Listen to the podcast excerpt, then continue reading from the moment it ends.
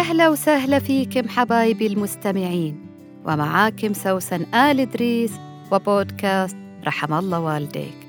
برنامج خفيف أحكي لكم فيه حكاياتي وانطباعاتي في الحياة اللي أرجو إنها تعزف على وتر في وجدانك من زمان ما سمعته أو كنت غافل عنه عشان بعد ما تسمعني تدعي لي وتقول رحم الله والديك.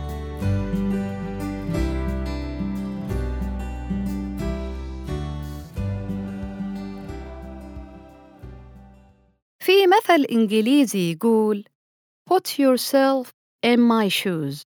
يعني ضع نفسك في مكاني. عيش نفس إحساسي لما تكون في الموقف ده. طبعا أخلاقنا الهرقلية في لحظتها بتقول ولو من داخلنا أنا لو مكانه ما كنت بشعر بهالشعور ولا بتصرف بهالطريقة. لا لشيء إلا لأنه أنت فعلا. وحقيقة لست في مكانه. وده بتلاحظه يحصل معاك في حياتك اليومية في شغلك وبيتك ومع أصحابك. وحتى اللي يقول لك أنا حاس فيك لأني مريت في هالموقف فهو ليس في مكانك. ليس في مشاعرك ليس في ضعفك ليس في قوتك ليس بنفس تربيتك ومنهجك.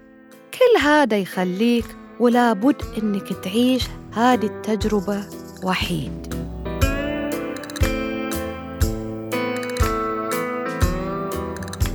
في وقت من الأوقات ويمكن بعد سنين طوال يجيلك شخص ويقول لك تصدق توني حاس باللي أنت كنت حاس فيه. مو لأنه صار ملك الإحساس فجأة بل لأنه عاش ظرفك أو جزء منه. وفي دي اللحظة تذكرك. وتذكر كيف هو رغم قربه منك وحبه لك إلى أنه ما قدر وقتها أنه يحط نفسه في مكانك. ونرجع للغة الإنجليزية ونستقي منها بعض العبر إنه أسلوب التمني فيها يوضح لغوياً قبل نفسياً استحالة حصولها. نعطيكم درس إنجليزي على السريع. الفعل بي اللي بمعنى يكون يتغير بتغير الفاعل سواء في الزمن الماضي أو الحاضر. في الزمن الماضي الفاعل المفرد مثل I, she, he, it اللي بمعنى أنا هي هو والجامد أو أي اسم مفرد يصير verb be was. والفاعل الجمع مثل we, you, they أي نحن وأنتم وهم أو أي اسم جمع يصير معاه verb be were فنقول I was a student. أنا كنت طالب. They were students. هم كانوا طلاب. لكن في حالة التمني لما تتمنى تكون أنا وتزعط علي بتقول If I were you. أي أنا لو كنت مكانك. شفتوا كيف الضمير I اللي بمعنى أنا أخذ where مع أن عمره ما داناها ولا كانت من مواخيده. بس لأن مستحيل إنك تكون في مكاني ولا أكون بمكانك صارت جملة التمني هكذا. If I were you, I wouldn't let my daughter yell at me. أنا لو كنت أنتي ما بخلي بنتي اللي بعدها ما انخلقت. تصرخ في وجهي بهالشكل. لكن تمر الأيام وتتزوجي وتجيبي بنت وتحصل مواقف بينك وبين بنتك وبنتك تصرخ في وجهك في موقف معين وأنت ما قدرتي تردي عليها لأنك مو على حق دايما. فتذكري ديك الأخت أو الصديقة اللي زعطتي عليها في ذاك اليوم.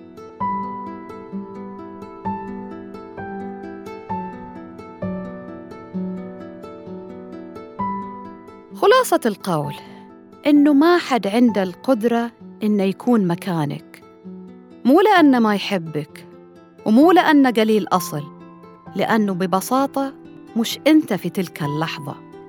عروس منتشية بعرسها وحياتها الجديدة بتشعر بمشاعر امرأة مطلقة أو أرملة أو معرسين عليها ولا طالبة صغيرة توها تقول بسم الله في هالدنيا تبغيها تحمل حكمة السنين.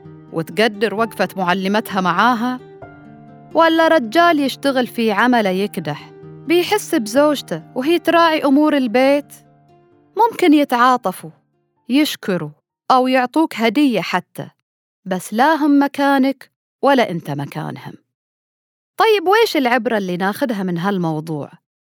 هل هي التوحد بالإحساس وانكسار النفس لأنه ما في أحد من اللي حواليك قادر يكون مكانك؟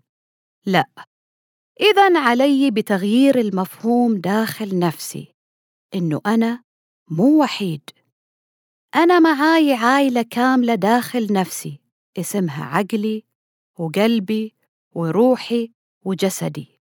أنت لحالك جمهورية متكاملة متضادة ومتفقة متصالحة ومتهاوشة.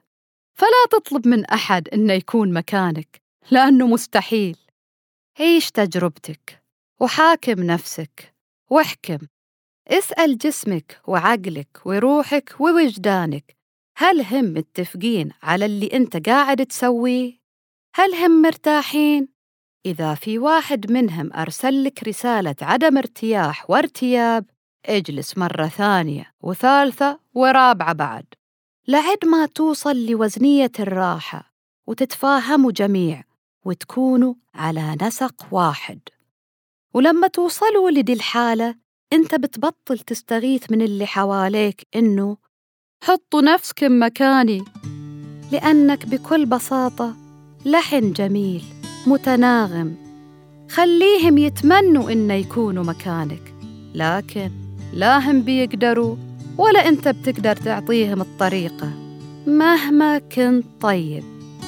لأن التعليم ذاتي ولو أخذت جماعي فهو يسرح في عقل ووجدان كل واحد منا بشكل مختلف. ونقول لكل من تناغم مع نفسه وقلبه وعقله وجسمه ولا طلب الاستغاثة إنه يكون أحد مكانه بل تمنى الآخرين إنهم يكونوا مكانه. رحم الله والديك.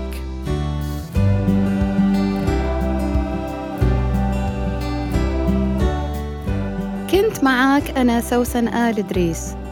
لا تنسى تشارك الحلقة مع اللي حواليك وتتابعني على حساباتي في ال social media واللي حطيتها لك في وصف الحلقة.